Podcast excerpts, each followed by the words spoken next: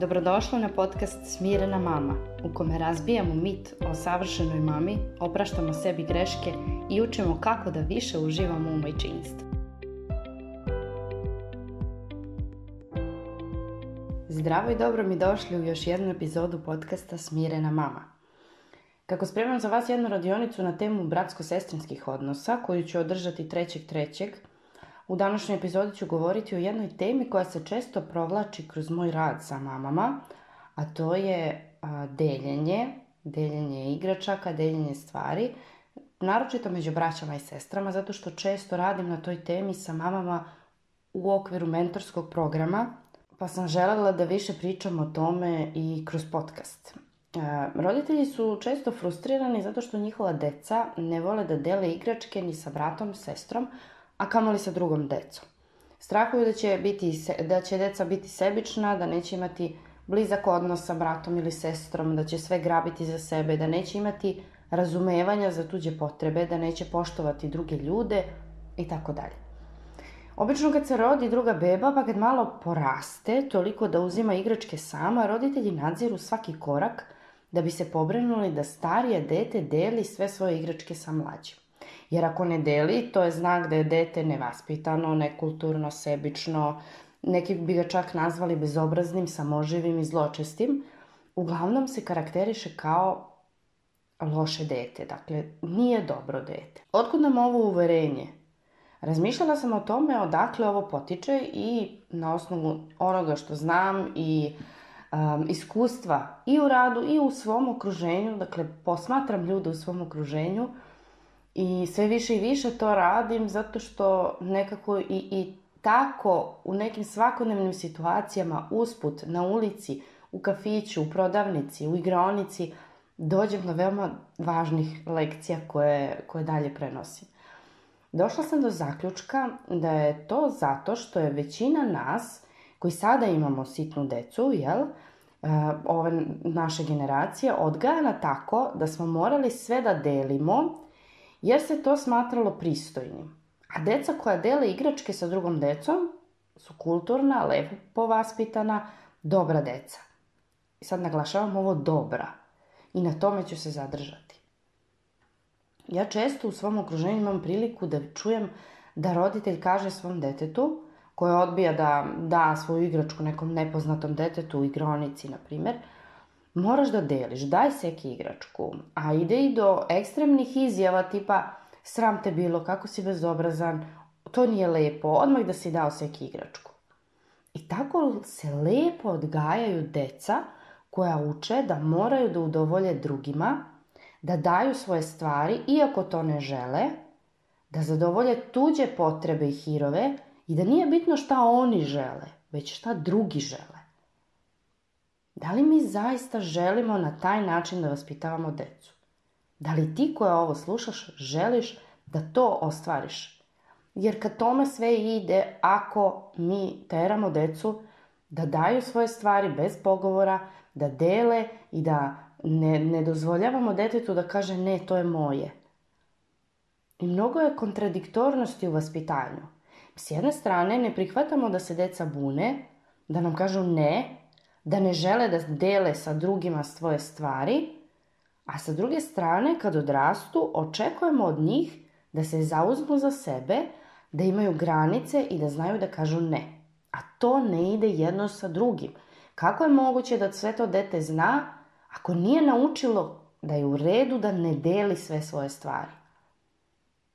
Ako nije dobilo poštovanje za svoje lične stvari, kako će onda znati da samo to samo poštuje svoje stvari kada poraste i da poštuje tuđe stvari i tuđe granice. Da li bi tebi bilo ugodno da ti dođe prijateljica na kafu i sad uzme tvoju torbu, vadi novčanik da vidi šta imaš u njemu, broj koliko imaš para, pa otvara fioke, pretura da vidi ima li nešto što se tu sviđa da ona malo koristi, možda da uzme tvoju šminku, da se našminka, da otvori ormariću, u kupatilu, da uzme neku kremu, da namaže, da sviđa joj se prosto. Ili uzme tvoj telefon bez pitanja da lista fotografije. Ti joj kažeš da ne, ne sme, da ne sme da uzme tvoj telefon, a ona se uvredi i naljuti pa ti kaže da si bezobrazna što nećeš da je daš. I tako se i dete osjeća kada dobije brata ili sestru i sad odjednom sve što je bilo samo njegovo mora da da nekom strancu na zahtev.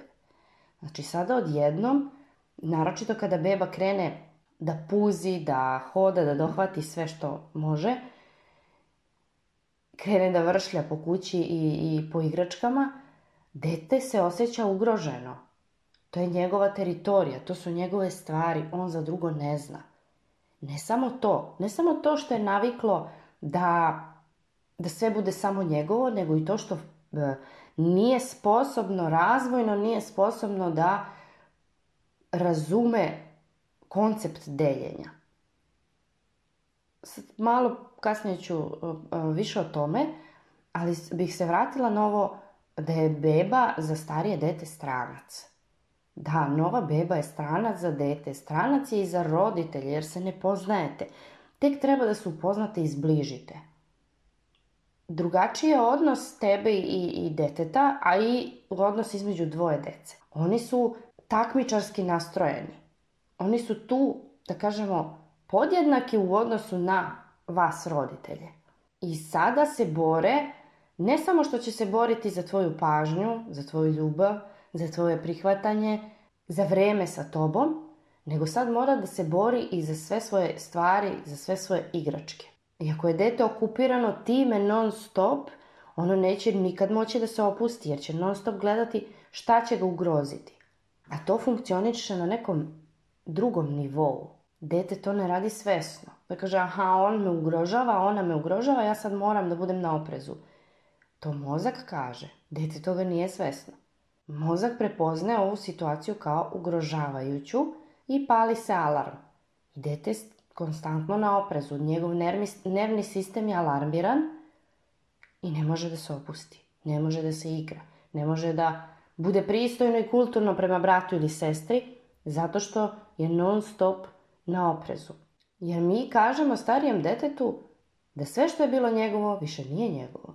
I pritom treba da se raduje kao pa zar nisi srećen što ćeš dobiti brata, sestru? Zar nisi srećen što imaš sestru? Vidi kako je divna, slatka, mala beba. A dete uopšte tako ne misli. Ne može tako da misli. Ako je njegova jedina preokupacija kako da spasim sve svoje igračke od ovog uljeza. Otud pobuna, otud bitke oko svega, jer se dete bori za autonomiju i kontrolu. Želi da ima kontrolu nad svojim stvarima i bunit će se onako kako trenutno najbolje ume, a to je svojim ponašanjem. Otima iz ruke, udara brata sestru, govori da ga ne voli, govori tebi da te ne voli, ne sluša, ne sarađuje onako kako ti želiš, ignoriše brata ili sestru i tako dalje. Dete još nema kapaciteta da se nosi sa jakim emocijama koje osjeća povodom toga što je dobilo brata ili sestru, ne razume svoje osjećanja, plus nema verbalne sposobnosti da iskaže kako se osjeća i šta mu je potrebno i svoje potrebe uglavnom izražava kroz telo, dakle kroz ponašanje. Kroz ruke, noge, glavu, zube, tako što grizu, tako što vrište, tako što udaraju rukama, tako što šutiraju nogama i tako dalje. Dakle, to su sve neki načini kako dete ume da ispolji te jake emocije ljutnje. Naravno, učimo dete kako još može da ispolji ljutnju, ali ovo je prvi način i, jedini poznat način detetu od početka. Sad, zašto deca nisu sposobna da dele? Postoji jedna stvar koja deci ne dozvoljava da dele igračke, a to je egocentrizam. To je faza u razvoju koju dete prolazi do neke sedme godine. I do tada dete može da sagleda svet samo iz svoje sobstvene perspektive, ne razume da drugi ljudi drugačije gledaju i da ne postoji sve samo zbog njega. Mrak pada zato što ja treba da idem da spavam. Ponaša se kao da svi oko njega znaju i vide ono što ono opaža ili zna i usredsređeno je samo na sebe. Dakle, to nije sebičnost. U tom smislu reći da dete je sebično i samo na sebe misli i ne poštoje tuđe potrebe, nego jednostavno zaista dete nije razvojno sposobno da vidi drugu perspektivu, da sagleda svet tuđim očima, da razume da drugi ljudi ne misle ono što ono misli. Tu imam jedan primjer sa mojom starijom čerkom koja u vreme kada se desio ovaj razgovor imala je oko 4.5 godine. Krenula je nešto da mi objašnjava ili pitala za neki događaj koji je bilo, bio ranije, ali ovo se dešavalo više puta i onda je došlo do, do ovog ovog razgovora jer sam ja primetila da se ona često iznervira kada krene da mi nešto objašnjava, a ja to pomešam sa nečim sličnim, ne razumem je. I onda je pitam, aha, misliš ono kad smo bili tamo i tamo, nije to bilo to, nego je bilo ovo. Ona kaže, ne, nisam mislila na to. I onda krene i da plače i bude frustrirana što ja nisam razumela šta je ona htela. Zašto? Zato što ne razume da nas dve ne gledamo sve istim očima. Ne razume da je moje iskustvo drugačije od njenog ne razume da ja u svojoj glavi nemam te misli koje ona ima u svojoj. I kada smo više puta prošli kroz ovu situaciju, ona meni krene da objašnjava nešto, mama, a gde je ono kad smo bili tamo i tamo, pa sad ne mogu da se setim konkretne rečenice, ali uglavnom ona mene pita za neki događaj koji je bio i sad ja kažem ne, nismo mi bili tada tamo, nego smo bili ovamo ili nije bilo to tada, nego je bilo onda kada se desilo to i to. I onda ona ne, nisam to htjela ili pita me za neku stvar u kući, a ja mislim da me pita za nešto drugo. Ja ne kažem, aha, misliš na ovo. I onda ne, nisam to mislila. I toliko se nervirala što ja ne mogu da odmah razumem šta je ona mene htjela da pita. I onda sam sela sa njom da razgovaram, da joj objasnim da ona u svojoj glavi razmišlja jedno, a ja u svojoj glavi drugo. Da njen mozak misli jednu stvar, ali ja ne mogu da znam šta misli njen mozak. Mislim, bukvalno sam joj tako pričala, otprilike da, da bi ona mogla da razume što je jednostavnije da joj objasnim, da je ne zbunim dodatno.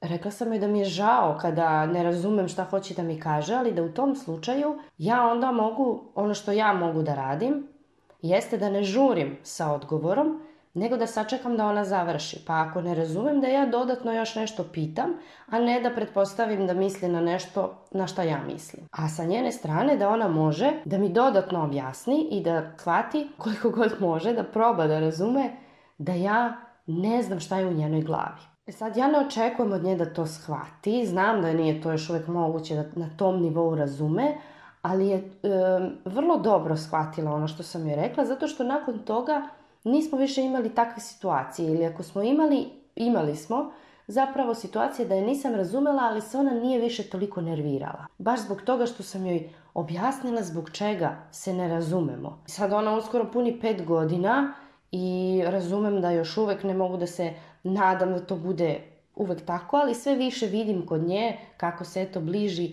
e, šestoj, sedmoj godini, sve više vidim kod nje polako smanjivanje tog egocentrizma, izlaska iz te neke faze i promene i sazrevanje. Ono što mi ostaje jeste da imam strpljenje i razumevanja za njeno nerazumevanje i da se uvek potrudim da je objasnim o čemu se radi. E sad, šta ćemo sa tim da se deca svakodnevno svađaju i otimaju oko igračaka? Sad mi razumemo, ok, razumem ja Anita sve to, sve je to meni jasno, oni ne umiju da dele, ali ja ću da pošizim od njih jer se svaki dan non stop svađaju oko igračaka. Da li ja sada ih pustim da sve čuvaju samo za sebe, da se grabe i da ne daju ništa brate ili sestru ili da ja lepo sklonim sve igračke i nema niko i doviđenja, prijatno nemaju oko čega da se svađaju? Ne, nećemo u krajnosti. Sad ja za kraj ove epizode naravno imam praktične savjete koje možeš odmah da primjeniš ako imaš dvoje dece. Kod je beba onako mala, samo leži i ne može da dopre sama do igračaka, to je drugačija priča. I o tome ću baš i na radionici više pričati kada stigne nova beba, kako da se deca zbliže, kako da neguješ taj odnos između njih od samog početka, još od trudnoće, pa preko tih prvih dana, pa sve do prvih sukova koji se javljaju između njih kada ta beba malo poraste. A ovdje u ovoj epizodi ću e, pričati o, tome kada beba već krene da dolazi do igračaka i uzima ih, ono što je vrlo korisno, što se vrlo korisno pokazalo i e, mamama sa kojima sam radila, e, to je da starije dete ima stvari, igračke koje su samo njegove i da mlađe dete nema njima pristup. Onemogući bebi da dohvati lične stvari brata ili sestre tako što će to biti negdje na nekoj višoj polici ili u nekom ograđenom prostoru gdje beba ne može da prođe ili u drugoj sobi gdje beba ne ide i tako tome slično. Dakle, nađeš neki prostor, tu se nadovezuje ova, ova druga stvar da dete ima neki svoj kutak gdje je bebi zabranjen pristup. Znači, ima neke svoje lične stvari i svoje igračke koje neće da deli trenutno, možda neće trenutno, možda neće nikad. Kod moje dece se dešavalo da jedno vrijeme neće da dele neke svoje stvari, a sljedeći put daju bez problema ili mlađa pita se ko, jel smem da uzmem recimo njenu omiljenu igračku? I ona kaže, može, izvoli. I prosto dođeš do tih, tih dana kada su oni totalno raspoloženi da dele. Ali pre toga moramo da zadovoljimo ovu potrebu da imaju svoje stvari, da imaju svoj prostor, da imaju svoju slobodu i da imaju kontrolu nad tim stvarima koje imaju. Da imaju neki, neku svoju autonomiju. I onda napraviš neki prostor, neki kutak, to ne mora da bude ne znam koliko, to može da bude jedan stočić i stolica i na tom stolu da bude pribor, recimo možda je dete već e, stasalo da secka makazama lepi papir i sve te neke stvari koje nisu za bebu koja puzi ili prohodava i onda te stvari mogu da budu samo tu i rezervisane samo za starije dete dok mlađe ne poraste. Tu mogu da budu i sitne igračke, kao što su Lego kockice, i bilo šta što beba ne sme, zaista ne sme, neke sitne stvari koje može da stavi u usta, ili dete ne želi da podeli sa, a, sa, sa bebom. Važno je da ima taj svoj prostor, jer onda će se osjećati sigurniji, opušteniji, aha, znam da imam taj svoj prostor, znam da ovde moja moj brat ili moja sestra ne sme ovo da mi dira, ako bude naravno beba, svakako će se dešavati situacija da beba dira, o tome ćemo detaljnije na radionici, ali tu si onda ti da im pomogneš da reše to kada dođe do sukoba. Prvo se pobrineš da obezbediš uslove da bude što manje tih sukoba, a kada dođe do njih naravno radimo na njihovom rešavanju. Ako je beba malo porasla i više nije beba nego gegavac, todler, ili trčkaralo. Sad već dosta toga može da dohvati, više nemaš gde šta da staviš. Onda, naravno, dolazi vreme, to ćeš i sama primetiti, nećeš sad čekati, na primjer, da dete puni tri godine, pa da sad i ono ima svoj kutak sa svojim ličnim stvarima. To može da bude već sa godinu, godinu i po dana, zašto da ne? Čak ja smatram korisnim da i beba ima svoj kutak. Aha, ovo su bebine glodalice i to je samo njeno i ne smeš da joj ovo uzimaš bez pitanja. Znači, poštujemo i tu bebu koja je, jeste mlađa, ali ona ima pravo da ima svoje stvari. I tako od početka gradimo taj tu podlogu da se poštuju tuđe stvari, da se poštuje tuđi prostor i da svako ima nešto što je samo njegovo. Dakle, sad utvrdite tu pravilo. Jedno drugome ne smiju da diraju stvari koje su samo njihovi, koje ne žele da dele. Kod nas je ovo počelo da funkcioniše kad je stara imala negde oko 4 godine, a mlađa oko po. Pošto su se dosta bile tih dana svađale oko svega, znači bukvalno je bilo to je moje, ne to je moje, hoću ja, hoću ja. I onda sam im rekla da odvoje sitnice koje ne žele da dele jedna s drugom. I sad smo sve to stavili u dve kutije i rekli smo ovo je moja, ovo je moja, dobro, to stoji ovdje, tvoje stoje ovdje, tvoje stoje ovdje. Znači obe mogu da ih dohvate, ali jedna drugoj ne dira. Ako želi nešto njeno, mora da pita da li sme. Ako je ti sestra dozvoli, uzet ćeš, ako ti ne dozvoli nećeš uzeti, nego ćeš uzeti nešto drugo da se igraš. Ostatak igračaka je zajednički, znači svako sme da uzme da se igra. I tu zaista smo rešili taj problem koškanja non stop šta je moje, šta je tvoje i prestale su da se svađaju oko toga, nego su jednostavno bile zadovoljne što imaju neki svoj prostor. Dalje, šta može još da pomogne? Vežbajte deljenje i čekanje na red. I sad to od najranijih dana može, možeš da vežbaš, da se igraš sa decom igara u kojima svi čekaju svoj red i tako se podstiče i deljenje. Znači ja tebi, ti meni. Naprimjer, dobacivanje, šutiranje lopte, ja tebi, dam ja tebi pa ti daš meni. Još dok je beba mala možeš sa njom to da se igraš. Tako da joj daš igračku u ruku pa kažeš izvoli, sad daj ti meni, hvala, sad ja tebi, izvoli. I tu učiš mnogo čemu bebu, između ostalog, da, da kaže izvoli, hvala i molim. I kako da podeli, da, da, da ti pruži neku svoju igračku i da, ti, da, vidi da ćeš ti da se poigraš i da je vratiš. I tako polako uči. Naravno, to je samo jedna od, jedna od stvari koju možeš da radiš. Za stariju decu, 3, 4 i više godina, e, društvene igre su lep način da deca uče da čekaju svoj red. Tako imaju strpljenja za druge koji bi se isto igrali a tu se i članovi porodice povezuju zajedničkoj aktivnosti. Mnogo je dobro da što više imate takvih nekih aktivnosti zajedničke za decu konkretno. Šta vole i jedno i drugo, gdje se dobro slažu u smislu po interesovanjima, gdje se tu poklapaju i da onda neguješ te zajedničke aktivnosti gdje će se povezivati.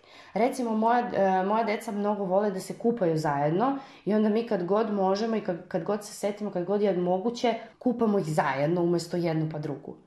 Oni su toliko oduševi, toliko su srećni, toliko se, onako, tačno se vidi u njihovom pogledu koliko su zadovoljni, koliko im je to prijelo i nakon toga se baš osjeti veća povezanost između njih. Neka zajednička igra, bilo šta što oba deteta vole i što može da ih poveže. Ono što je također bitno jeste da utvrdite pravilo. Šta je tebi najbitnije oko tih igračaka?